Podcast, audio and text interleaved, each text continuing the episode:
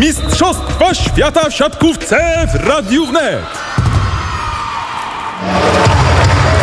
Dobry wieczór Państwu, Kamil Kowalik i małe sprostowanie. Sławku, bo ja jestem na szczęście w Spodku, jestem w Katowicach, tu gdzie trwają Mistrzostwa e, Świata. E, Właśnie e, kończy się pierwszy set meczu Serbia-Ukraina, mecz niezwykle ważny z punktu widzenia polskiego kibica, z punktu widzenia myślę każdego człowieka, który ceni sobie sport, który przecież też mówi o pokoju.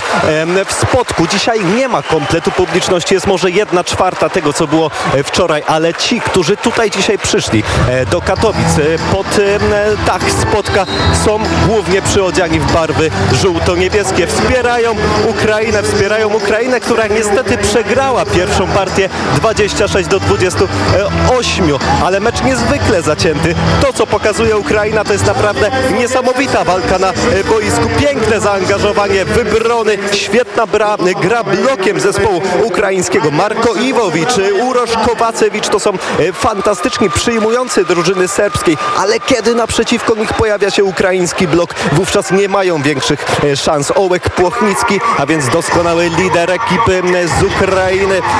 Fantastyczna zagrywka, która pozwoliła Ukraińcom objąć prowadzenie 22 do 20. Zdawało się, że Ukraina może sięgnąć po zwycięstwo w tym e, secie, no ale niestety ostatecznie jednak Serbowie okazali się lepsi. Serbia to jest oczywiście jedna z lepszych drużyn, tak jak najczęściej to bywa w przypadku e, reprezentacji z Bałkanów. Na ten moment e, z Katowic to wszystko. Usłyszymy się po e, trzecim secie, mniej więcej około godziny 22. Bardzo dziękuję. Do usłyszenia. Mistrzostwa Świata w siatkówce w Radiu Wnet.